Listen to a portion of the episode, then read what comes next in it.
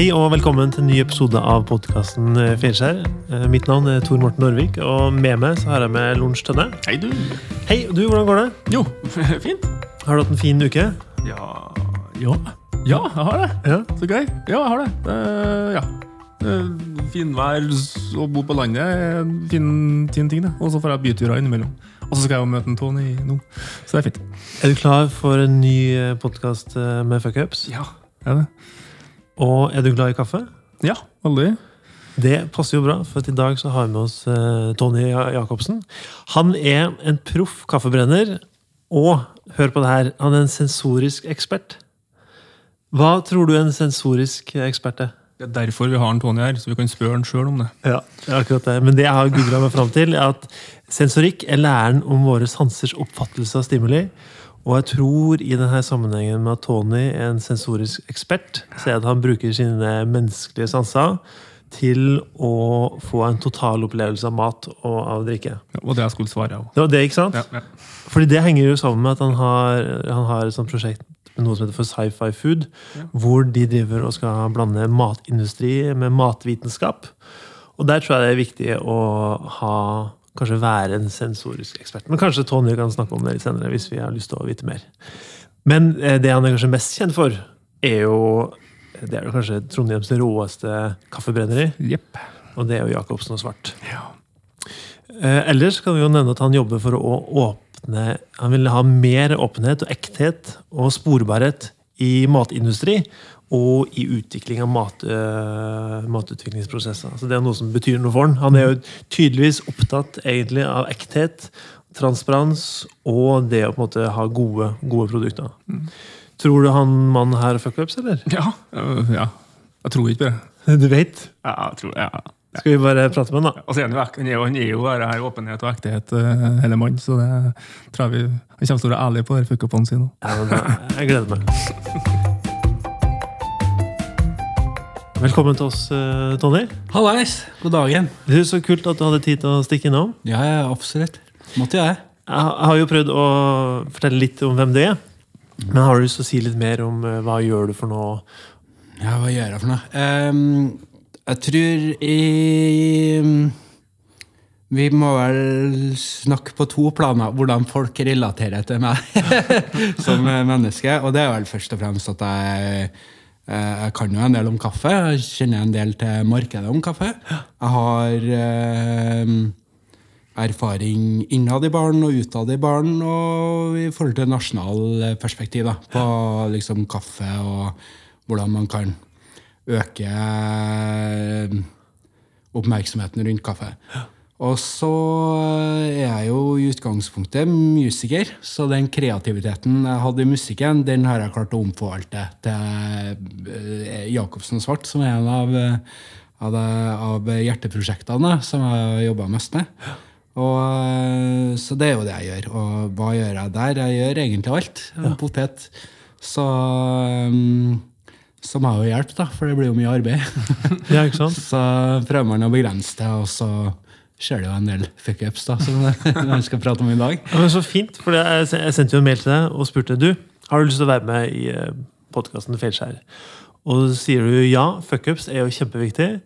Og så avslutter du mailen med å si at du har doktorgrad i fuckups. Yes. Så det vil si at av alle vi har prata med, så har du den høyeste utdanninga i fuckups. Ja. Når, det- du, når du blir mester i fuckups, det er når du, når du ikke klarer å se på deg som fuckups lenger. Det er som å skate. Ja. Og når du tryner, så drar du på sykehuset med en gang. Du lærer at liksom, ok, kanskje jeg ikke skal skate over ei renne der neste gang. Da. Eller kanskje jeg må øve litt mer på ollien før jeg hopper opp en palle. liksom. Ja. Sånn ser jeg litt mer på det i dag. da. Men uh, fankeren har lært mye. da. Ja, men Det tviler jeg ikke på. Hvor, eh, hvor starter vi, da? Jo, hvor starter vi? Eh, Jeg tror vi må nesten begrense oss litt, da. Altså, jeg har gjort mye fuckups. Det har jeg. Jeg har jo blemma til ganske bra. Jeg tror der trenger jeg liksom eh, å fokusere litt. litt. Kanskje Lorentz kan glede veide meg bitte litt. Jeg vet ikke hvilken retning du vil i. det. Nei, nei, samme for meg. Jeg kan gå hvor, hvor enn som helst. Hvor skal, hva er det mest interessante å begynne å leke? Ja? Hvilket Er rom skal vi leke? i? Ja, vi, ja, du, ja, du har, altså, til, jeg og. Tony kjenner jo hverandre ganske godt. Så vi har jo vært med på Jeg tror ikke jeg har vært med og skapt noen av fuckupsene, men jeg har vært med og, vært for å... og Vært vitne til? vært vitne til. Og vi har, eh, han har fått mine fuckups noen ganger, og jeg har fått litt hans. Så det er så at folk vet det. Uh, ja, ikke vi skal det er aksjer kan jo selvfølgelig prate om det, men det er jo en gründerhistorie. Du kan jo selvfølgelig, du, som du sa, du starta jo med å være en eh, musiker som rota deg på en måte inn i denne kaffebransjen. Og der eh, du, Det er jo ikke feilfritt du har kommet i dag, på en måte. Så, Absolutt ikke. Ja. Jeg sitter jo på en liten fuckup nå som er ganske vanskelig å trace opp. ja. Ja. Som er vanskelig å skille ut. For nå har vi jo eh, basically eh, sånn som vi gjorde det. Så når vi satte opp eh, Jacobsen Svart, var at eh, min Jacobsen Svart starta først som et enkeltpersonsforetak. Så liksom, hvis man skal liksom gå helt sånn eh, eh, metodisk til verks der, så heter jo egentlig Tony Jacobsen Knips lyddesign. og det var en jævlig dårlig idé. Og det å drive med lyddesign i en periode hvor MySpace, eh, Napster, eh, Pirate Bay rula eh, verden. Eh, der ingen ville betale for musikk, alle skulle ha det gratis. Og i tillegg så kommer iPod med en dings du bare kan proppfull med ikke bare musikksamlinger, men du kan jo pakke inn hele jævla biblioteket inn her. Og da får du temmelig mye musikk da, for 2000 kroner. Og det klarte ikke jeg å konkurrere med. Så, men det var en veldig tidlig, kjapp liten fuck-up. Eh, så skulle jo det her bli til et eh, Ja, For da må du skifte terreng, da? da må du jeg bare- skifta jo terreng etter hvert. Og da ble det jo det her gamle enkeltpersonsforetaket kjøpte jo et, eh, en kaffebrenner, og da måtte jo det Så var det skrevet som- på meg som privat, og så ble jo det her til et AS. Jacobsen Svart AS. Men når du kjøper denne kaffebrenneren, hvor, øh, hvor erfaren er du da i forhold til det med kaffebrenning? Når jeg starta Ja. Nei, Jeg hadde ikke så veldig mye peiling på å brenne kaffe, men altså, så jævla vanskelig kan det ikke være. det var det jeg tenkte. Så lærer man jo etter hvert, da, og alt har jo sånn, eh, en sånn trappetrinn, der man eh, til slutt ender opp med at eh, det er så mye variabler at du ikke har peilingen, og så ramler du ned, og så må du liksom spesialisere deg i et eller annet. Så, eh, så for meg så var jo en del kule ting som skjedde da. Så jeg begynte jo å hacke en del på uh, kaffebrenneren. Og, um, og skapte en del um, uh, interntrykk da, innad i kaffebrenneren, så at jeg fikk enda mer varmeutnyttelse. Blant annet uh, gjorde ting som uh, plutselig fylte jeg opp en hel frisørsalong med, med røyk. da. Hvordan klarte du det? Det var jo basically en sånn slags uh, Altså, jeg klarte ikke å pushe ut nok luft i forhold til my, hvor mye eh, Det var noe innbalanse i forhold til ventilasjon her, da. Så det som skjedde, var at den lufta som egentlig skulle ut, den ble dytta ned i stedet for. da. Så det var noe med sirkulasjonen her som gikk skikkelig gærent. Ja. For du holdt på å lage kaffe, da? Ja, ja, ja. Jeg satt og brente som bare juling. jeg. Så, og jeg merka jo ingenting. Eh, Men eh, og klart de andre gjorde det. så, eh, så skulle jo her bli et uh, selskap, da. Etter hvert så um, får man jo ansatte, og så uh, drifta vi det ganske bra. Og i, vi klarte liksom å jobbe opp kontrakter for uh, omsetning for uh, rundt to millioner kroner. Og så skulle jo det her på en måte selges ned da, i et nytt foretak, da, Svart AS, da, som er på en måte driftsselskapet i dag. Og så som kompensasjon da, for den jobben jeg ble gjort, så skal jo det her opp i Jacobsen Svart AS og på en måte betales for i en eller annen grad. Ja. For Jacobsen Svart må jo ha revisor og regnskapsfører. Så, og da gjorde vi helt sånn som advokaten sa. Vi gjorde, tok ikke kaffebrenneriet for seg sjøl, og vi gjorde heller ikke med kaffebaren. Så det ble jo på en måte i ett foretak. Og da springer det jo på all risiko i én og samme pott. Ja. Det var ikke så jævla smart, da. Det var en jævla dårlig idé. Eh, som man prøver å rydde opp litt i nå, da, men det er jo ting som er i prosess. da. Så, og nå kommer det jo et nytt foretak inn, og det betyr jo at det er tre foretak som skal balanseres i ett. Og alt det her er jo fullrisikoprosjekt. ikke sant? Det er jo veldig mye risiko forbundet med kaffebarer. Ja, for at det, det tredje selskapet som kommer nå, er fordi at du starter opp en ny sted nå Det på, blir nok i på, samme selskap i første omgang, og så må vi begynne å se om vi klarer å skille ut det her og bli enige, oss i styret. Og det er tror jeg ja, nok det tre selskapene du snakker om nå, er Brenneriet, og så er det Kafébaren, som Mm. er på Adressabygget, og så er det da nå den tredje, som blir nede på Powerhouse. Hva heter det for noe? Power, Eh, Powerhouse. ja, det var det. Stemmer. Ja. Kult. Hva, men hva var grunnen til at eh, dere ikke fulgte rådet til advokatene? Eh, altså, jeg, Tony er en rebell. Han bare Pensjonist. Uh, jeg er jo først og fremst tror jeg nok alle som kjenner meg, vet at jeg har jævlig sterke meninger, men jeg, er en, jeg lytter jo til folk. Og jeg lar jo folk få lov til å ta plass.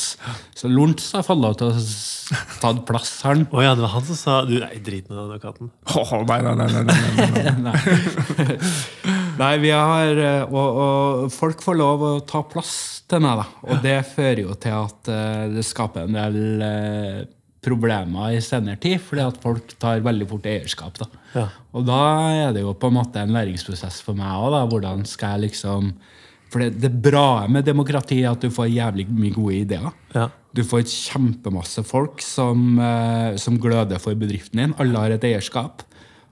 Problemet med at alle sammen nå har noe å si, altså Fordelene er like store som ulempene. Ja. Fordi en eh, prosess om å sette inn et eh, vannglass tar plutselig en måned fordi at folk ute i kaffebrenneriet har en forestilling om at den skal være annerledes, eller at funksjonaliteten ikke er helt på plass. og så det er jævla mye styr for en jævla kopp med kaffe.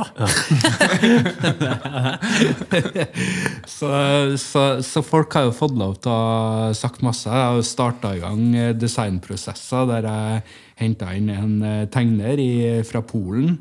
Som jeg tenkte liksom, nå, Han har ikke noe peiling på hva vi holder på med. Så jeg skal gi inn eh, tre guidelines for å lage liksom en sånn kaffeprofil. da til oss, og da hadde vi liksom en funky eh, Etiopia. Eh, eh, Berry from Kenya. Og så hadde vi eh, en som var liksom eh, Normal boring coffees from, eh, from Brazil. Og, og da fikk jeg tilbake en tegning av Brazilian Bucks. og du kan jo se deg for deg å prøve å markedsføre det. da. For det første så er det jo det med sporbarhet som jeg er jævlig opptatt av. Eh, vi kan ikke liksom ha en en blå blanding eller en gul blanding eller en rød blanding. Vi må jo faktisk kjempe for bøndene. Mm. Og det er jo den saken vi jobber jævlig hardt med å få til. Eh, og så eh, Det andre var jo at eh, det var jo veldig mye tegninger. Da. Og det var jo kult, det. Eh, men det var jo ingenting her som kommuniserte liksom, håndverket vi gjorde. Nei. Så, så det på en måte ble jo en prosess som ble skrinlagt. Det kosta jo litt. Så har vi jo dritt oss ut litt på utemøbler. Vi klarte ikke helt å bli enige om utemøbler i rett tid. Og så sånn type fem Nei, vent da. 13. mai. Vi skulle ha klart til 17. mai. Ja. Så alt måtte være på plass 16. mai. Så, og jeg bare, det her havna jo selvfølgelig på disken min. Så jeg bare ok, da må jeg betale, liksom. Og det koster. Og det, ble jo en, eh, det var en operasjon vi hadde budsjettert 20 000, som plutselig kosta 70 000. Så jævlig fine designmøbler og kjempedyktige interiørdesignere. Eh, men selvfølgelig det var kanskje litt sånn dårlig kommunikasjon innad, og en jævlig stor regning. da. Men for, er det fordi at du, du blir for demokratisk? At du ønsker å Ja, det er det. Og så tror jeg nok jeg, jeg, jeg liker ikke å ha rett. Fordi jeg, det hjelper ikke meg å ha rett. Og det føler jeg på en måte er en sånn livserfaring som jeg har med meg. at liksom, Det å ha rett er egentlig ganske kjedelig. Ja. Sånn, Det er litt sånn som ungen min. altså Jeg vil heller at han skal få lov til å komme med sitt verdenssyn. For fy faen hvor mye det bidrar til meg. Jeg kan jo lære meg en helt ny måte å se verden på. Som kan være eh, eh, mye mer givende for meg da, som menneske enn det for eh, og, og da kan vi jo virkelig skape en empati og en forståelse om omverdenen som er mye mer fleksibel enn den forutatte virkeligheten. da. Ja, ikke sant? Så, eh, for jeg er jo veldig glad i filosofi. Jeg er veldig glad i psykologi. Jeg er, jeg er glad i ting som handler om hvordan jeg Det er derfor jeg og Lorentz prater masse. For liksom, hva er det å være menneske, og hva, liksom, hva faen er det vi holder på med, egentlig, og hva er det som er viktig for oss? ikke sant? Og det tror jeg er en sånn For meg så er det liksom driven. Det er det som De store spørsmålene er jo de viktige spørsmålene. Ja, Har du fått svar på noen av dem? De er jo fleksible, da. Ja. så det kommer jo helt an på åssen du ser det. Og det sier jo egentlig jævlig mye, tenker jeg. Altså En situasjon er jo helt betinga av uh, veldig mange uh, av mange variabler. Hvis du skal tenke på det liksom helt sånn mikroskopisk, så er det jo dopamin, serotinin og, og sånt. Hjernen din er basically eh, hjerneceller som har uh, lagra informasjon, og de går og sirkulerer i, forhold, i balanse med, med de tre kjemiske stoffene du har i kroppen, og sannsynligvis en liten cocktail av andre ting. Ja. That's fucking it. That's life. og det tenker vi er jævlig spesielt. Ja. Og det er det. Men det er like spesielt for en frosk eller en eh, Herregud, de eh, eh, Det er masse dyr som deler akkurat det samme opplevelse som oss, men de har kanskje et litt annet språk, så man er kanskje ikke helt der. da. Men ikke at jeg tror så jævlig på at, eh, at eh, vi er helt der, men jeg tror ikke det er sånn sensasjonelt mye av de spørsmålene vi stiller oss. da. Jeg tror, de er, tror nok det, det at det er mye mer det er mye mer kaos da, å være menneske. Du får signaler overalt Ja. fra mennesker som skal, og media som skal fortelle deg ting, og så blir det liksom Hvordan forholder jeg til det? da? Og det er jo et jævlig godt spørsmål. da. Men eh, bare litt tilbake til det her med at du er demokratisk. Når du lager kaffe, er du, er du, er du demokratisk da også, eller Nei. er du da Nei. helt bastant? Der er jeg bastant. Fordi eh, noen ting er liksom eh, Du må gjøre noe på planeten her som gir deg en liten signatur på hva faen du holder på med. liksom. Ja. Eh, og det har jeg jo funnet ut at liksom, smak har jo vært en, eh, en greie for meg helt siden jeg var liten. Eh, mamma og pappa jobba på en brusfabrikk. Vi hadde veldig god tilgang til brus. Eh, og øl. eh, så, og, og det var liksom Det har alltid vært en stor del av livet mitt. Da. Og, og det å smake på ting Jeg har liksom aldri, aldri vært redd for noe. Så eh, for meg så har det liksom vært noe som underbevisst plutselig ble en bevisst greie, som jeg skjønte veldig fort at jeg var god på. Eh, og så er ikke jeg nødvendigvis god på liksom alt de tekniske tingene, men jeg kan eh, spare inn noen spørsmål som jeg syns kanskje er, er viktige da, i forhold til hva som er på en måte status quo i forhold til hvordan vi lever i dag. Da. For eksempel, hvis du tenker på hvordan vi lever i dag, så liksom, vi sier jo alle sammen at smak er objektivt. Og det er jo på en måte en konsensus i det. Uh, men, uh, men er det egentlig altså Hvis du tenker på evolusjon, da, så er jo ikke smak i hele tatt objektivt. Du har jo måttet rett og slett styrt deg unna det. Og du hadde jo ikke kommet til å spist en råtten fisk enten du ville eller ikke. Så basically, vi har jo en del forutatte virkeligheter som, som, som er her. Og dem, eh, det jeg tror heller det er i dag, er at vi lever i en realitet hvor eh, det er mye mer eh, fleksibilitet, kan man si det. At eh, det har på en måte den fleksibiliteten vi har i dag da, med media, alt det her gir oss. eh, Så eh, leste nylig en artikkel av Thomas Seltzer der han snakka om at liksom siden den Siden midtkrigstida så har vi ønska mer tid. ikke sant? Vi ønska mer fritid. Eh, Men vi har fått mindre fritid. Vi jobber jo mer enn noen gang. Ja. Så er spørsmålet liksom, hva, hva er da meninga med livet? da? Det er det som er det, er det siste du legger igjen på gravsteina i. Og det er jo egentlig ganske interessant, for hvis du går på gamle kirkegårder, så står det her ligger lærer, lektor, brannmester. Det var tittelen din, det var meninga med livet ditt. I dag, hva faen skal du skrive? Sant? Skal du legge opp en, eh, en QR-kode på Twitter-profilen din? ja, Tinder-profilen din? Altså, hva er, vi, hva er egentlig budskapet vårt? Er, vi må jo ha noen verdier, da. Jeg liker jo veldig godt det du sier med signatur, og at du på en måte prøver å finne ut hva er, hvorfor er du her? Og det å på en måte prøve å være tydelig der, da. Men for å få denne signaturen, for å bli så god som du har blitt i, i brenning av kaffe du, du må ha gått på noen smeller underveis. ja, ja, om jeg har. Hvor, hva har skjedd på veien? Altså, I forhold til smak så har jeg jo gjort Jeg er jo den første til å teste ut nye ting. Jeg synes det er kjempeinteressant, og det har jo ført meg på jævlig rare eh, plasser. Um, nå er det egentlig bare ganske sånn små ting. sånn enkelthendelser som jeg husker kanskje best. da.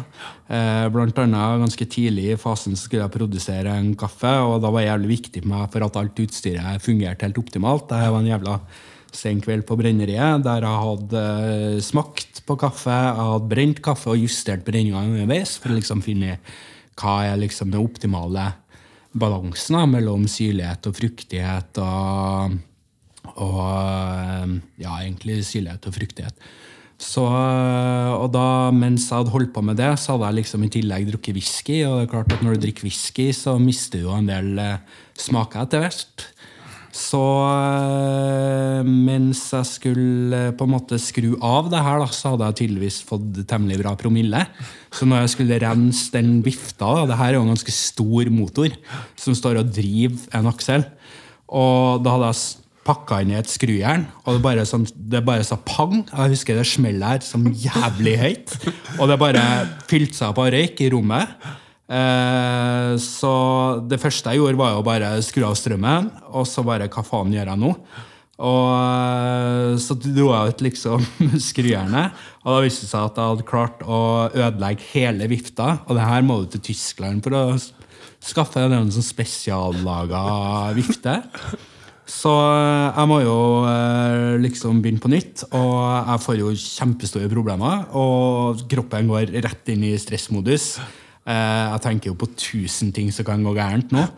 Eh, så det første jeg gjør, er å bare Ok, shit, jeg er bare nødt til å gjøre ferdig det siste rensen, og så går jeg hjem og legger meg.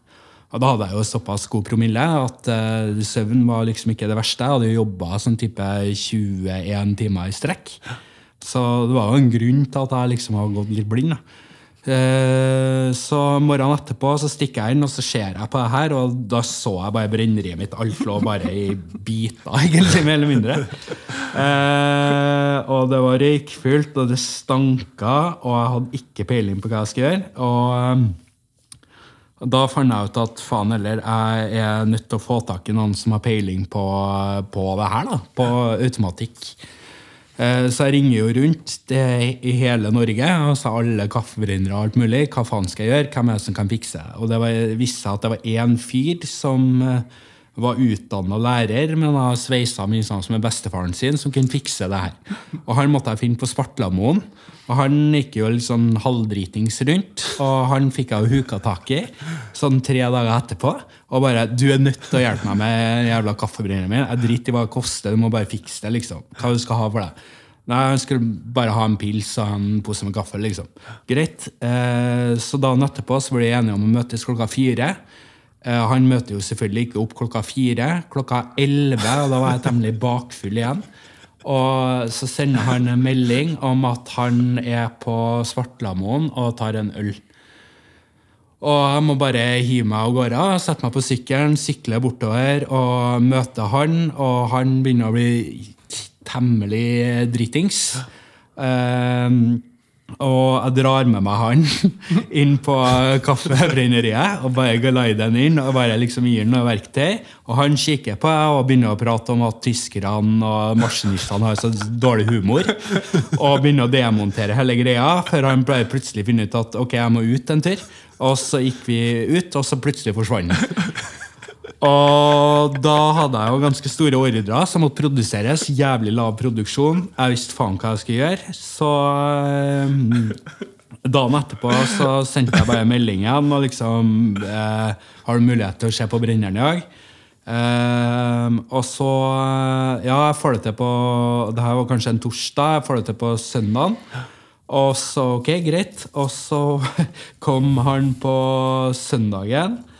Og da um, fikk jeg en henta til greia her, og det viste seg at jeg må liksom banke det på plass og sveise det på plass. Og, så to dager etterpå så fikk jeg den tilbake, og da funka alt optimalt. Men da må jeg jo lære meg å brenne kaffe på nytt igjen. Fordi at uh, med kaffebrenning så er det sånn at når du begynner å kødde med én liten variabel, da, hvis det er liksom ei vifte er litt skeiv, uh, så har det såpass I og med at det er så små ting du jobber med, så, så har det en påvirkning på åssen egentlig eh, du får i gang prosessene. Så det vil ha en effekt på hvordan det smaker. Så eh, da må det jo begynne på nytt igjen. Og det her var jo en periode der jeg var veldig ung, fersk i gamet. Eh, det begynte å liksom uppe seg litt konkurranse.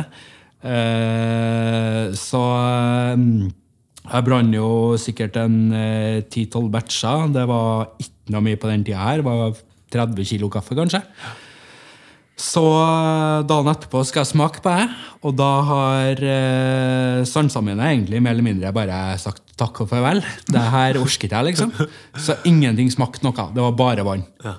Eh, og jeg bare sånn, hva faen gjør jeg nå? Så jeg gikk rundt i en hel uke og spøla rundt. Og jeg gjorde alle andre mennesker helt fullstendig gale. Uh, og jeg visste ikke hva jeg skulle gjøre. Jeg visste ikke hva jeg skulle få til, eller bla, bla, bla. uh, og så plutselig går det opp et lys for meg en dag her da, at eh, fankeren, kanskje jeg bare må roe ned bitte litt. Så jeg begynner å ta opp noen pusteteknikker jeg hadde lært for et par år tilbake. Som, som en sånn slags meditasjon. Og så begynner jeg liksom sakte, men sikkert å komme tilbake der. For da begynte jeg liksom Ok, det her er munnfølelse. og her er syrligheten, og her er sødmen, og her er sykrosen. og bla, bla. Så jeg hadde sannsynligvis jobba meg rett på trynet i en periode her. eh, og var temmelig vraka. Så det var en ganske heftig lekse. Og da, på den tida her så fantes det ingen som kunne gjøre sånne oppgaver i Norge. Eh, men som konsekvens av det så mm, tror jeg nok espressospesialisten espresso-spesialisten eh, tok imot en del råd fra meg og fikk i gang eh, det å ta inn kaffebrennere og sånne ting. Og da ble det plutselig en ganske svær greie. Så det er ganske stort i dag. Da, på den tida var det jo elleve brenneri kanskje i hele Norge, og i dag er det over 80. Så det er ganske stor Var det på den tida du hadde brenneriet ditt i en bar? Ja, Ja, det- Det var ikke en konsekvens av det. Jeg var så glad for at du sa det sjøl, med whisky. Mm. jeg regna med at fuck-upen din handla om at brenneriet ditt var i en bar. Ja, det var, Ikke så det var kort ja, mellom det eh, var kortere i strikka, det. Så eh, det var en del ting som kunne gå gærent. da. ja, hva, hva smaker en fuck-up av hvis du skal lage en eh, D- I kaffe altså, Jeg har jo klart å fremstille kaffe som uh, har hatt veldig høye bestanddeler av DMS. Uh, det er dimethylsulfide. Og i kaffe så får du plutselig en kaffe som kan smake fisk. det er ganske sært. Har du prøvd å servere det? Nei, jeg har ikke det. Eh, altså, for å være helt ærlig, så Det krever at du gjør jævlig mye gærent. da. Så det altså, må gå gærent på riktig sted. Ja, ja for, for en del, Jeg kjenner jo en del folk som jobber med smak. Og Kanskje derfor dere har sånn, du har sånn, du kaller det doktorgrad i feiling. For at en stor del av det å holde med forskning på smak, er nettopp det å tørre å teste grensene. Ja, ja, ja. Og så er det ikke, altså I smaksprøvinga Det handler jo og om å tils, hva skjer hvis jeg nå setter til her, her. Eller hva skjer hvis, jeg putter, hvis, mye, hvis jeg putter mer kalk inni her vannet? eh, Og så videre, og så videre, sant? Så det, jo, det handler jo om å feile. Ja, det det. handler om å tørre. Og, sant? Ja, det handler om å tørre å feile og tørre å ta, teste grensene. Mm. At det, altså, som du sier, at det, eh, kroppen reagerer jo direkte hvis det er fælt. Ja, ja, ja, herregud. Ja, ja, ja. Så det er Den handlingsrom det. som er ganske sånn natur, det er naturlig handlingsrom inni her. Spennende. Uh, Men da må jo du ha laga noe og servert noe til folk, og de tenkte bare hva er, hva er det her for noe? Hva har du tenkt? Ja, ja, ja, herregud. Eh, altså, med, helt i begynnelsen så For da var det jo bare kaffe. Få det ut til kundene. Det var tre arbeidsoppgaver. Det var jævlig enkelt. Fire, egentlig. Det var eh, sette på brenneren, få i gang brenneren og brenne kaffe. Og så var det rengjøre brenneren etterpå. Og så pakke det ned eh, og få det her til kundene og fakturere det. Ok, fem oppgaver. That's it. en oppgave til sett rett pris på produktet. Den glemte jeg. da hadde jeg ikke noen kalkyler på den tida. Det var fingeren opp i været. Og så bare Kul fyr, ja. dårlig fyr. ja, Jeg husker bare Jeg var null kalkyler. Men altså da, jeg trodde det var nøkkelen at du fikk det til så bra. At du var, det der kalkyleopplegget var ikke opptatt av. Da, Ingenting. bare få det ut. Og Det- hvis folk er happy. Det var, så du kjørte jo Gjør du litt sånn eh, Tesla-modellen? Tesla gjør nå. Slipp, produktet ut. Og så er det produktutviklinga i om folk klager eller ikke. Ja. Så du slapp det ut, du. du. Rekna ikke så mye på om hva fortjenesten på. Bare, altså, dem som var fornøyd, fikk mer. Ja, ja, ja. Og så hvis folk ikke var fornøyd, så var det nysgjerrig og spurte ja, hva, hva skal vi gjøre annerledes. da? Mm. Hva om vi gjør det sånn? Og så, ja. Det syns jeg, det var en, synes jeg var en fin måte å sette i gang bare på. Men jeg tror nok den derre øh, Den prøve og feile-metodikken har liksom, den har jo, For meg så er jo den, den, har, den kaffebrenningsprosessen har vært konvertibel til alt jeg gjør, og dermed så er jo firmaet vårt veldig annerledes Ja. enn veldig mange andre firmaer. Fordi For det første så er det et firma som bobler over kreativitet. Det er jævlig mye glade folk. Eh, konfliktnivået har stort sett vært jævlig lavt. Vi har hatt nesten ikke noen konflikter. Eh, det har eh, Altså i forhold til responsen jeg får eh, i forhold til merkevarebygginga, og sånn, så er liksom, vi har en veldig annerledes posisjon. Så folk ser på oss som noe annet. Det er liksom eh, De klarer ikke å sette oss i dem der, eh, helt i bås. da. Og det liker jeg jo. Eh, og det gir, det gir meg et sånt spillerom da, til å tenke ut, uh, klekke ut nye ting. ikke sant? Og da begynner jo den fem-tiårsplanen plutselig å dukke opp. da. Ja.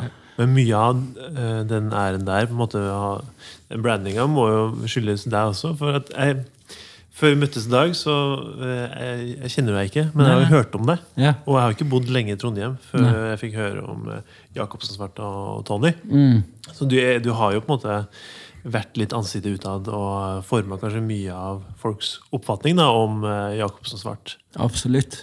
Jeg, jeg tror nok den vokalistrollen da, som jeg egentlig har med meg, eller den entertainerrollen, den er nok bare en del av meg som jeg bare aksepterte akseptert. Det er jeg, liksom. Eh, Det var i hvert fall en fuck-up, for det starta jo basically med at jeg var jeg er jo døve foreldre.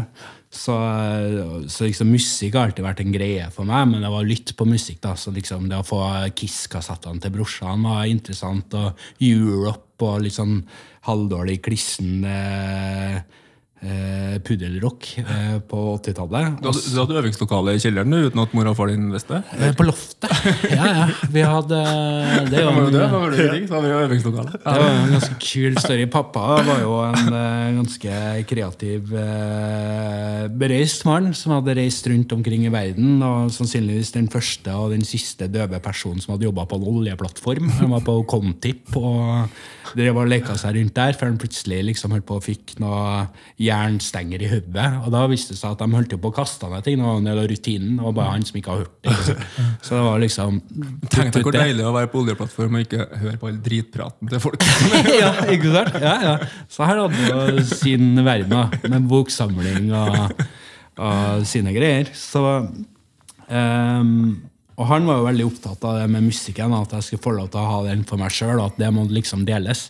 Så eh, når vi eh, måtte flytte ut av eh, bandlokalet, så fant pappa ut, da er jeg sånn type 14 år, at det å ha bandlokal på loftet, det var en jævla god idé. Så vi gjorde noe, da. Og, så, og det her var en sånn sommerdag type midt i juni. Og naboene var ute og sola seg, og så bare plutselig hører de det trommesettet og gitarer, full vræling og ikke sant? Og, og det var jo liksom et punkband, og du skal jo starte som punkband, for det var jo viktig å være så dårlig som mulig når du starta. Som, eh, som vokalisten i Foo Fighters sa. Og, um, Eh, og det her er jo greia. Og, og det her var en stor greie for meg. Og, ikke sant? og så selvfølgelig så kommer jo naboene og ringer på døra og lurer på hva i helvete som foregår. ikke sant? Fantastisk. Så, ja, ikke sant? så kommer jo min døve far ut da, og bare kikker på dem og liksom bare lukker døra og bare Herre, teit og greier, ikke sant? Så han var jo ganske gammel. Eh? Så når jeg var 14, da var jo han eh, straks oppi Han var jo nært opp med 70-årene eh, da. så han, han var liksom eh, Han eh, syntes det var litt kjipt, og så kom broren min opp og liksom Hva faen, liksom, dere kan ikke øve her, liksom. Hva i helvete dere tenker på? Og så, Han hadde jo ligget og sovet, ikke sant? så plutselig hører han det bandet som bræler. Og så ok, så pappa hjelper til, og han hadde en Opel Manta, ikke sant? som en sånn, litt sånn sportslig Opel-utgave. Eh, Så jeg, han hadde jo pakka liksom gitarforsterkere og trommer og sånn i, i bagasjerommet. Og liksom det bare stakk ut liksom hei-hatter og sånne ting. Og så kjører han forbi naboen, og så ruller han ned ruta og så bare gir han fingeren. det er en klassiker. En kul fyr. Eh, Ja, den var bra. Det var ikke, det var ikke, det hadde sagt noe om det, han, han likte så godt at det vibrerte i huset. ja, ja, ja, ja. Han elska deg, ikke sant? Han likte det vibrerte i huset. Så da han fikk bare klage. Da. Det var deilig å kjenne vibrasjonen. Det er så deilig. Det er så fantastisk historie. Ja, det er veldig bra. Men du, eh, det må bare bety at du har fått med eh, liksom, aksept hjemmefra for å bare vet du hva, gjør hva du vil, vær kreativ, og det er helt ok å tryne. og Ja, pappa var nok det. Mamma er den strenge sida av meg. Så liksom, eh, for at jeg har Kaffebrenneren i deg er mor di, altså. Eh, Ja, det er det.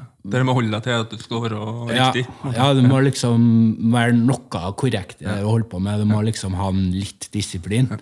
Mens pappa pappasida av meg er jo helt sånn Den er jo kjempekreativ. Og den er jo liksom den går jo på litt andre ting, men jeg tror nok det, Men pappa hadde jo liksom orden på ting. Det var han som var skylda for at jeg altså uansett eh, Jeg er ganske god på litt sånn jeg er god på kalkulert magefølelse på økonomi. Eh, så jeg, jeg, jeg trenger ikke de, liksom, de detaljerte tallene. Jeg klarer å se sånn cirka hvordan det styres gutta. Eh, og det har jeg liksom alltid gjort. Så jeg har alltid hadde liksom aldri havna i økonomisk trøbbel. Uansett hvor fucka det har vært. Det har vært temmelig mørkt til meg òg. Men uh, det har liksom alltid Ok, men da må vi fikse det, bla, bla, bla. Da kommer de pengene. Ok, men da er jeg ferdig med her i juni, liksom. Greit. Ja, Ja. Kaffe, kaffe sånn, ja, Isolert sett så er jo det bare en kapp, kopp kaffe for mange. Mm. Det er bare en kopp kaffe. Så det er ganske sånn spennende segment å gå inn i.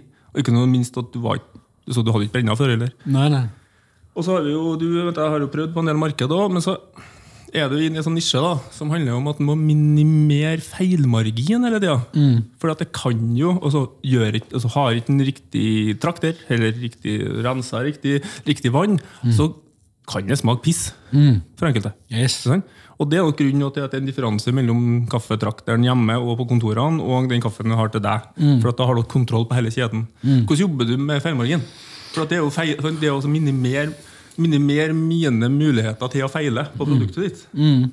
Eh, så etter hvert som jeg har liksom jobba med det her, da, så, så har man jo eh, mer eller mindre jobba noe som på en måte mer eller mindre en sånn vitenskapelig metodikk da, på åssen vet du at det her kommer til å bli bra, liksom.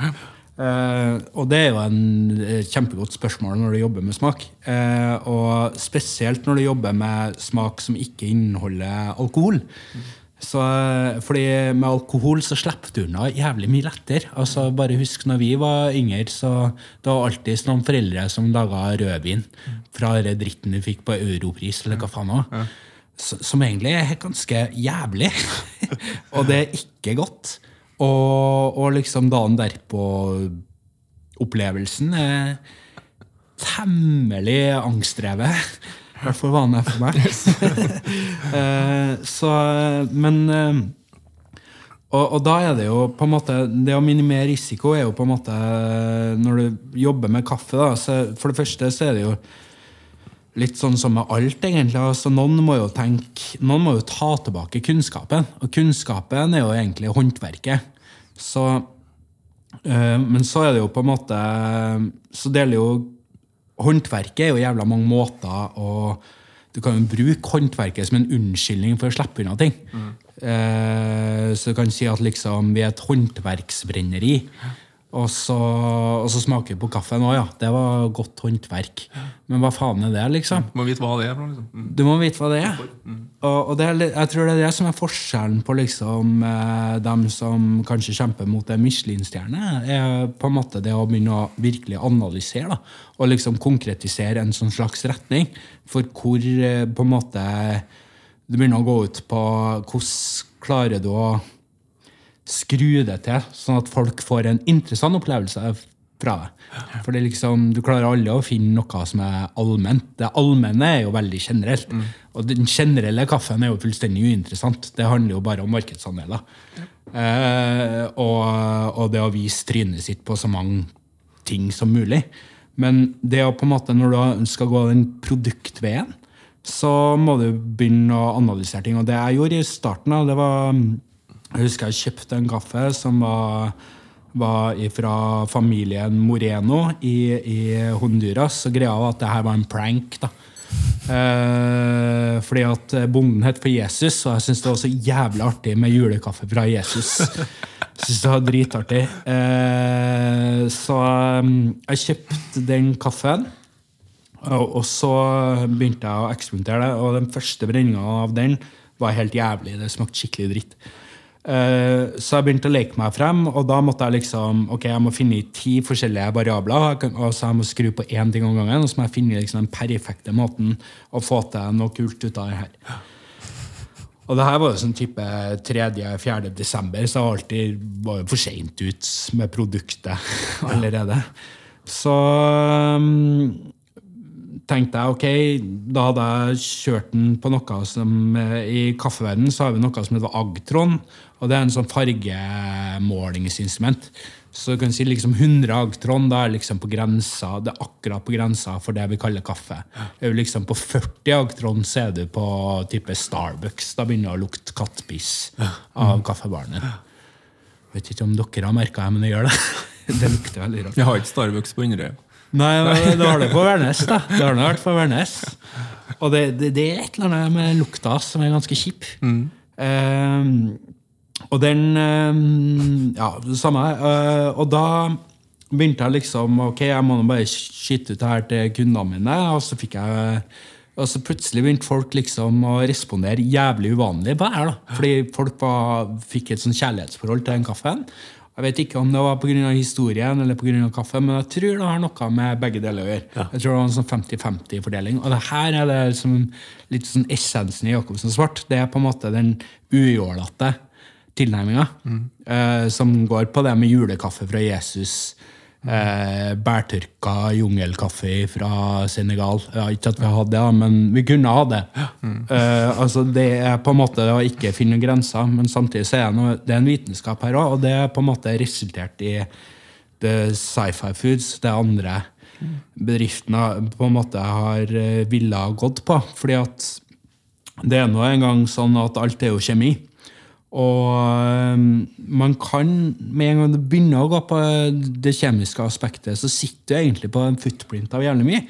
Eh, det er på en måte det store spørsmålet som vi eh, eh, Som Michael Bearman stilte nå nylig, og som kom i publisering på et ganske svært sånn uh, kaffebrennermagasin. Michael Berman er din kompanjong i Sci-Fi Food? Yes. Ja. Uh, og, og det var liksom Hva er den kjemiske mm, cocktailen av, uh, av Mexico? Hva er den kjemiske cocktailen av Etiopia? For det er noe der, liksom. Og det samme kan du stille med vin. Og det samme kan du stille med sjokolade. Og det samme kan du stille med alt, egentlig, fordi at alt har jo en kjemisk footprint. Og Ehm, det spørsmålet syns jeg egentlig er ganske interessant, da, fordi at um, jeg tror nok det at bevisst, underbevisst, så vil du være Det finnes to sider av samme sak. Det ene er den markedsføringssida, og den er på en måte den lette, easy. Stikke inn på en eller annen butikk, du kjøper deg en drakt, og så har du på deg en drakt. Det er på en måte den ytre skallet av produktet ditt. Det er trynet, liksom. Ja. Og det kan du alltid freshe på. Du kan justere nesa hvis du vil dit. Du kan få et nytt ansikt om du vil gå dit. Og alt det her er jo mulig. Men det er jo den interne greia. altså Hva er det som ligger i bedriftsstrukturen din? Hva er på en måte implementert der? Og det har alltid vært veldig lett for Jakobsen Svart. Og det at liksom alle sammen har stilt det spørsmålet hvordan vet vi at liksom det her er bra? Hvordan kan vi liksom gjøre det bedre? Kan jeg bli en bedre kaffebrenner i morgen? Kan jeg liksom ok, eh, hvordan, Hva jeg sier til gjestene, er jævlig viktig, og hvordan responsen fra gjestene er viktig. Hva er liksom de essensen da, i, i hvordan denne på en måte, transaksjonen skal foregå. Og det, det, er jo litt der Foods på en måte har liksom virkelig gått ned på protoner og liksom skjedd på den kjemiske strukturen. Og det vi ser da med kaffebrenneren-profilene våre, sånn kjemisk sett, er at vi har sykt høye nivåer av sukrose. Vi velger kaffe som har sykt mye sukrose, veldig mye klorogene syrer. Og um, de, de piker en del på koffein. Det er en del koffein i det vi har. Men uh, de slår ikke ut sånn som vi hadde trodd. da. Uh, så for eksempel på Brasil så hadde vi uh, Jeg tror det er 210 mikrogram per per desiliter. Er sånn ish det ligger på. Med hva? Med koffein i ren format. da. Um, Hva, hva betyr det? At det Eh, Da begynner det liksom å gå litt på den der gråsonen mellom meg og Michael. Da. Eh, hva det betyr eh, for meg, da, som, så er jo det at eh, koffein har en relevans i forhold til smak. Ja. Eh, som egentlig ikke er tydelig nok. For den koffeinen som er, som er som man anser som koffein, er jo som regel koffein i pulverformat. Og den er jo kjemisk fremstilt. Eh, så må man jo se på hvordan den er kjemisk fremstilt. Eh, og, så, og der tenker jeg liksom Hvor rent er nok det produktet? Det er liksom eh, Hva skal man si? Hvis man går inn på Uh, F.eks. kalsium, da, så er jo eggeskall det van- vanlig å bruke. Og eggeskall er jo ikke noe særlig oppløselig i vann, f.eks. Så da er jo spørsmålet liksom, hvor mye eggeskall skal du ha for å simulere en, egg, eh, en kopp kaffe av knust enhet? Altså hvor mange gram er det du skal ha til for å simulere den smaken? Hvis du skulle ha filtrert det. Og da ser du plutselig på et forhold. da. Og da kan man plutselig begynne å se på men er det andre ting som havner i den koppen. Og hvis det kommer f.eks. andre La oss si at uh, du bare skal ha kalsium, men du vil se på kanskje eh, ok, hva andre ting er som jeg vet da faen, sprøytemidler, gjødsel, eh, bakterier, whatever. Eh, så må man jo liksom begynne å analysere det, og hvor kommer det og ifra, og hva kan man gjøre med det. Så da, og da kommer det en ny konsekvens av det, og det er potensialet. Eh, og hva har det potensial til å gjøre med det produktet de i utgangspunktet har? Og det er på en måte min oppgave å stille de spørsmålene. Ja. Men det er ikke nødvendigvis min oppgave å få de vitenskapelige svarene. Men, men jeg tror på en måte måten jeg tenker på det på, er interessant, fordi at det peker mot en retning som gjør til at f.eks. i kaffe i dag så er det to problemer. Det ene er terroir. Det er et kjempeproblem. Eh, Er det hva for noe? Terroir, altså hvor kaffen kommer fra, altså stedstypiske smaker. Fordi at det kan for eksempel være for mye kalk i vann noen plasser, eller det kan være Hva, hva, hva mener du med terror? Hva? Terroir er to Eller det er et par ting da, som adder opp til terroir. Og så er det masse ekser. Eh, man kan si uh, jordsmonn. Okay, sånn, ja. Ok, Resultatet av jordsmonn. mm. eh, vindforhold, solforhold, eh, regnforhold. Ja. Sånne typer ja. Den klimatiske footprints det har nok noe å si. Og så har du det botaniske forholdet. Og det botaniske forholdet, sånn som det er i verden i dag, så er jo det kultivert. Så har du på en måte ok, konsekvensen av det kan man se f.eks. i Kenya i dag. Der er det blitt så mye monokultur. Så for det fins i utgangspunktet det er to uh, arabikabusker de eh, i hovedsak planter. Det er SL28 SL34. Det ble liksom fremstilt av en, eh, av en eh, kjemiker på 30-tallet. Eh, og så har du Ryri 11, som er, jeg tror det er en konsekvens av samme metodikken. Eh, og så har det her med det klimatiske forholdet i dag, så har det gjort det at de plutselig har utvikla nye sykdommer som ingen har peiling på. Så det de gjør, er at de sprøyter, setter enda mer sprøytemidler på og enda mer dritt i, i jorda. Og um, da kommer det en del problemer. Og, og det her har jo så vidt begynt å bli et problem, men det vi ser at det er liksom det er jævlig lite løsninger. Ja. Og da, hvis du kunne ha gått inn på kjemina og sett på protonene, så kan du plutselig begynne å sette sammen nye botaniske forhold. Og så kan du med en fasit si at det her er bestanddelene. Så du sitter på en sånn slags DNA. da. Så gjenskap på en måte smaksopplevelsen eller smakskoordinatene. Ja. For det er det dem som er viktig. Ja. For hvis du tenker på liksom blå java, alle de tradisjonelle kaffetypene, så er det jo helt umulig å si hvordan de smakte før. De kunne ha smakt dritbra. Men det er ingen som vet det, fordi at blå java i dag smaker dritt. Har dere noe i Sci-Fi Foods funnet noe funn eller, som er interessant for uh, bransjen i en helhet? Eller? I, vi har begynt på det, og, og, og det jo, ene er jo at vi ser at folk stort sett sier det samme for de ulike kaffene. Altså hvis vi sier eksempel, Vi hadde et, eh, en, en problemstilling som var jævlig artig. Eh, Evergood-kaffen er den store kommersielle giganten som alle vil prøve å utkonkurrere. Og så tenkte vi ok, jeg skal bruke min metode, som er kun sensorisk metodikk, og så skal jeg bruke Michaels metode, som er kun liksom protoner.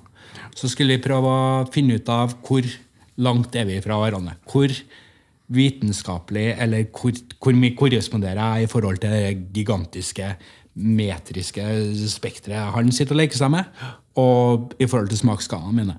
Og det vi fant ut, var at de var absolutt ikke langt ifra hverandre. Så vi kom frem til de samme koppene. Eh, det vi så, var at eh, Og når vi produserte det, og så hadde jeg en eh, nummer to, og den var ikke nummer to hos eh, Michael. Så der korresponderte vi feil. ikke sant? Så det, vi tok de to koppene og introduserte for et publikum, og så fikk de smake på det, og alle sammen syntes den smakte bedre enn Evergood. da. Så vi klarte å slå Evergood med en billigere kaffe, og bare ved vitenskapelig metodikk. Ja, ikke sant? Det der er jo det som kommer til å bli mer av. Hvordan fremstille det. Eh, Jeg skal bare dra litt tilbake til det med fuckups før vi avslutter. Og du hadde barn, har du det? Mm. Eh, Når de blir store nok til at de skal forlate redet, hva sier du til de? Det med å ikke være redd for å gå på trynet, og du kommer tilbake og du skal få en trygg havn, men bare det å Hvordan forbereder du de på at de skal inn i en verden hvor det er helt ok å gå på trynet?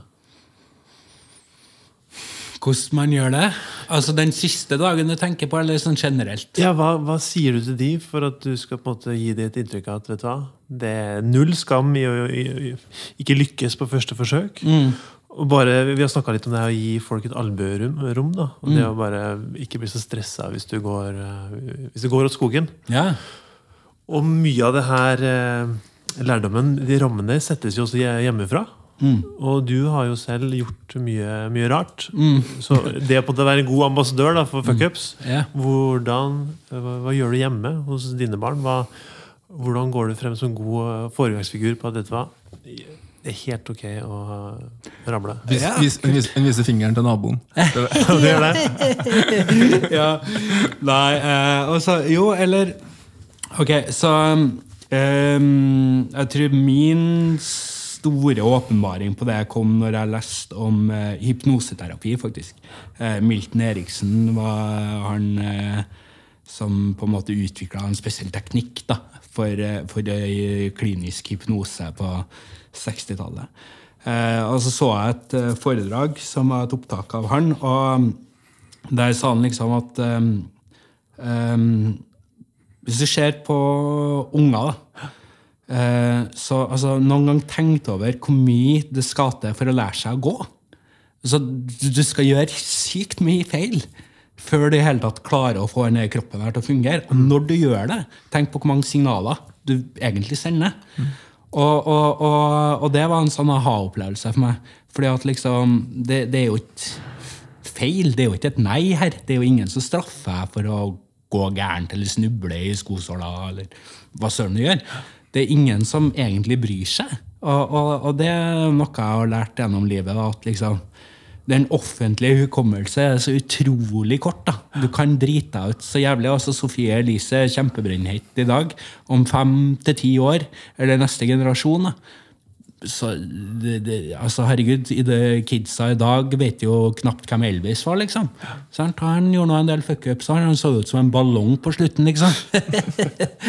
så, så, så det er liksom noe med det at alt er relativt. da, At i den store sammenhengen så spiller det så usedvanlig liten rolle.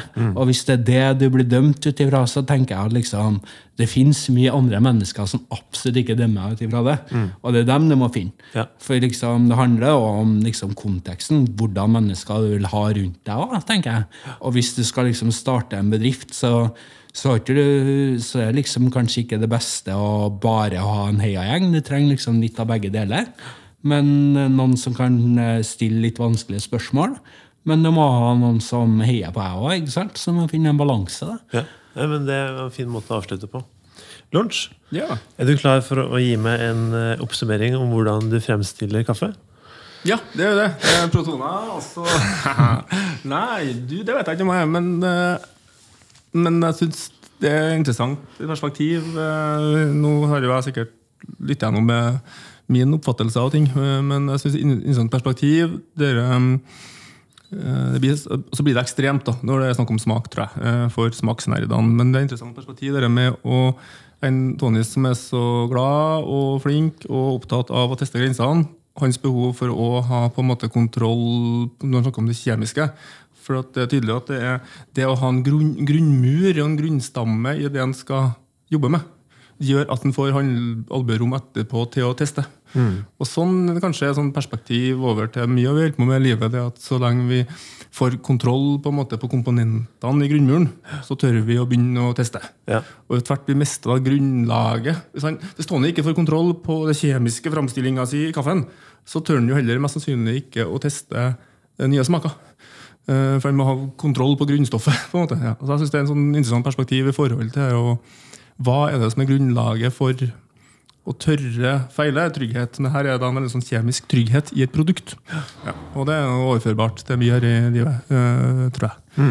Ja. Og eh, nå har vi glemt å spørre Tony noen ganger om hva det, han har lært av alt dette her. Men det kan han snakke på vegne av, men jeg vet at Tony har lært mye. Og han blir ikke fuckups-redd for det.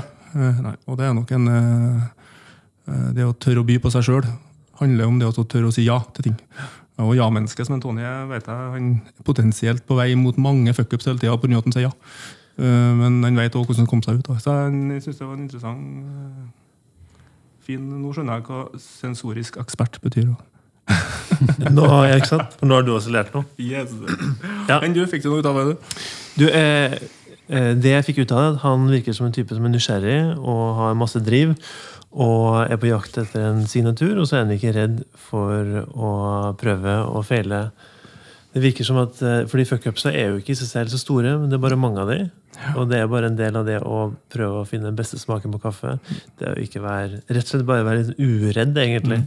Og leke seg litt og prøve å finne sin, eh, sin bane tror jeg, rundt den planeten her. Og så ikke være redd for at eh, å ja, den- der smakte dritt. Yes. Vet du hva, da gjør jeg på nytt igjen. Og jeg ødelegger kverna, ja, men da skal jeg bare oppsøke en eh, full mann på hjørnet her. Skal jeg få han til å hjelpe meg. Man finner alltid en annen løsning, og det er jo ikke bare og her også han snakker om pusteteknikker, bare hvordan roer seg ned. Så det å bare få kontroll over seg sjøl, så tror jeg man klarer å egentlig overleve alle mulige fuckups. Og så er det med at fuckups er Det går over. Eh, ja, i dag så er det kanskje litt sånn brennhet, og det svir litt ekstra. Men om fem år det er ingen som husker det. Tre år har jeg sikkert glemt. Altså. Neste uke også. Det, da er det noen andre som har uh, datt på trynet og tatt fokuset.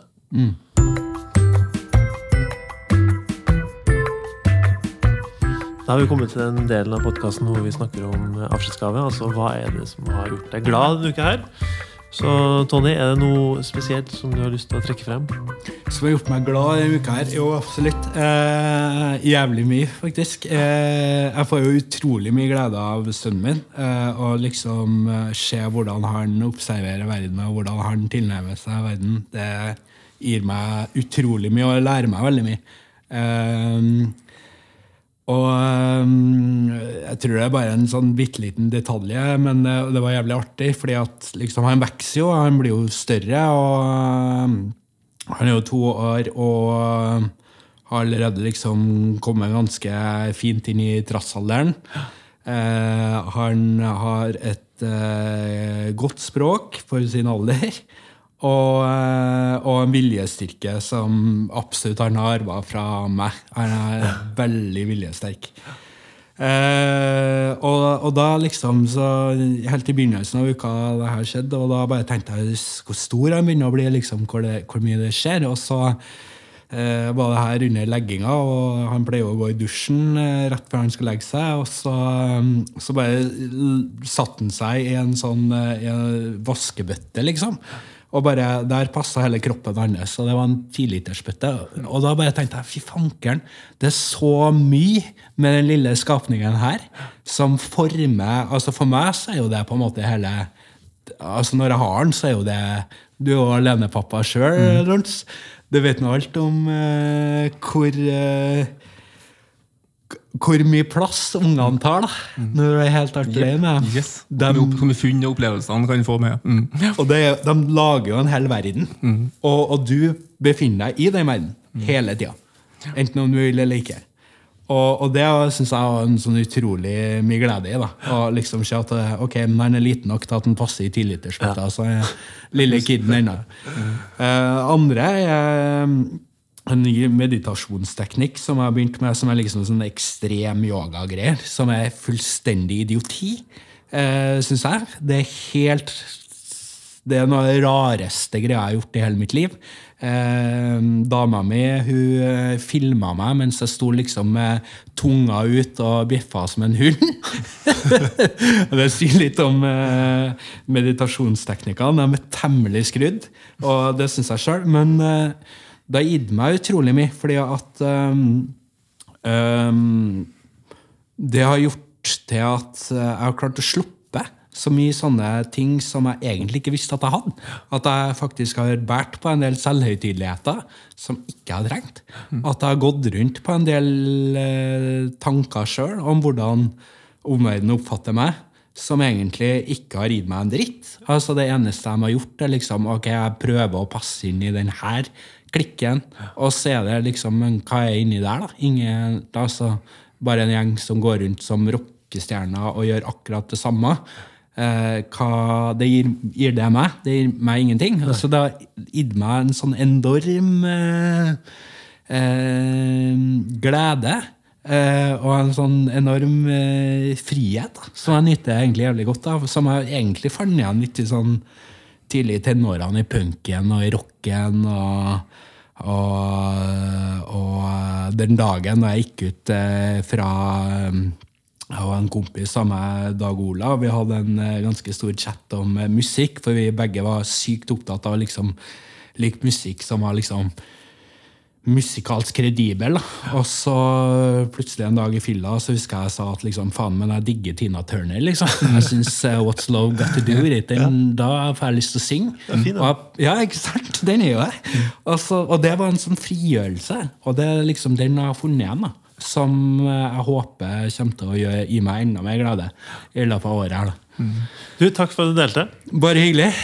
Ja, Lunsj, hva har skjedd i uka di som du har lyst til å dra fram? Du er glad? Ja.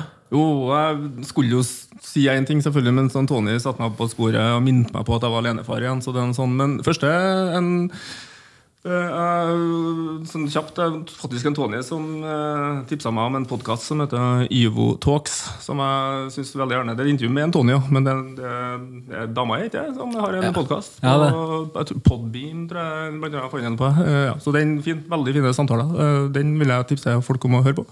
Og hos andre er Nå glemte jeg det jeg skulle egentlig si. Vet du. Det var hva farsken var den, da? Den store, fine tingen. Ja, det var jo Jo! Jeg er så glad for at det fins sånne mennesker som lager ting som en kan Konkret her nå, Rasmus og verdens beste band som har laga en sang som heter 'Gutten på stranda'. Som rett og slett er inngangen til at en fire år gammel gutt kan, og jeg og han kan få en samtale om at Norge er verdens beste land å bo i, at det er krig i Syria, og at folk må rømme. Og bare han, når han kommer på, så er det sånn Vil ikke høre den sangen. og så får han bli trist, og så noen ganger så vil han høre den. på en måte. Og så har vi et verdenskart der vi kan se på hvor i verden er det og ja, Han glemmer noen ganger. Hvor, altså, det blir så konkret for han. òg. Hvorfor, hvorfor kan ikke han bare være her sammen med oss? på en måte? Ja, den sangen her er ja, veldig sånn sterk for unger å høre. Og det blir en sånn samtaleevne vi må ha over tid. Og det gjør meg glad at jeg kan få et språk på å snakke med han om sånne ting. Så takk sånne som Rasmus og verdens beste som bare tør å lage en sang om akkurat det ubehagelige synet av en gutt som ligger død på stranda. Ja. Jo, den har jeg hørt. Den er egentlig den er fryktelig trist. Eh, siden vi har dratt inn eh, barna våre, da Jeg kan ikke være noe dårligere heller. Det er, det, er to, det er to små ting. Det ene er at eh, vi er to stykker hjemme som passer på uh, dattera. Og eh, man har liksom egne aktiviteter som man får liksom sammen. Sånn som jeg, da, så er det Lego. Vi bygger mye Lego sammen. Og de kan sitte ganske lenge og bare holde på å bygge liksom, merkelige, merkelige hus. Hvor hun på en måte lager en historie, og så liker jeg best å bygge. Det kan vi sitte liksom timevis og bare forsvinne inn i. Det andre er å dra sammen på pirbadet. Det, der, kan vi, der har vi ganske grei stamina. Vi kan holde ut liksom i fem timer. Vi må gjøre det når vi først har betalt oss inn, for det er ganske dyrt. Da må vi være der en stund. Men nå har de åpna også utendørsbassenget Ja. som er et prøveprosjekt. Og da sitter du ute der i Det det er jo kaldt ute, men i vannet så er det sånn 40 grader. Og nå når sola begynner å komme, det var helt fantastisk. Så deilig. Så det, Så det blir påskeaktiviteten din nå, da? det blir Ytterøya. Ja, riktig. Ja, det, det er som et varmebasseng hele Ytterøya. Ja. Eh, tusen takk til de som har eh, hørt på så langt, og stor takk til Tonje, for at du har kommet og delt med oss. Bare hyggelig. I eh, neste episode så får vi besøk av eh, Julia. Julia Navarsete. Og Ja. hun eh, skal snakke om eh, Kinderegg av fuckups. Så det er, er tre ting vi kan forvente oss. Er? Så det tror jeg blir morsomt. Og hvis du som hører på har en historie som du har lyst til at vi skal ta frem, så send oss en mail til feilskjæret.uredd.no. Nå skal vi få det frem på lufta. Og trykk gjerne på subscribe, så slipper du å manuelt laste ned hver episode. Og, unnskyld, og gjerne, hvis du vet at noen andre som du kunne tenkt deg å hørt, tips oss om det, så tør vi å ta kontakt med dem. Ja, send oss noen navn. Ja. Det, vi tar gjerne kontakt. Mm.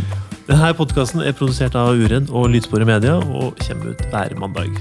Takk for i dag.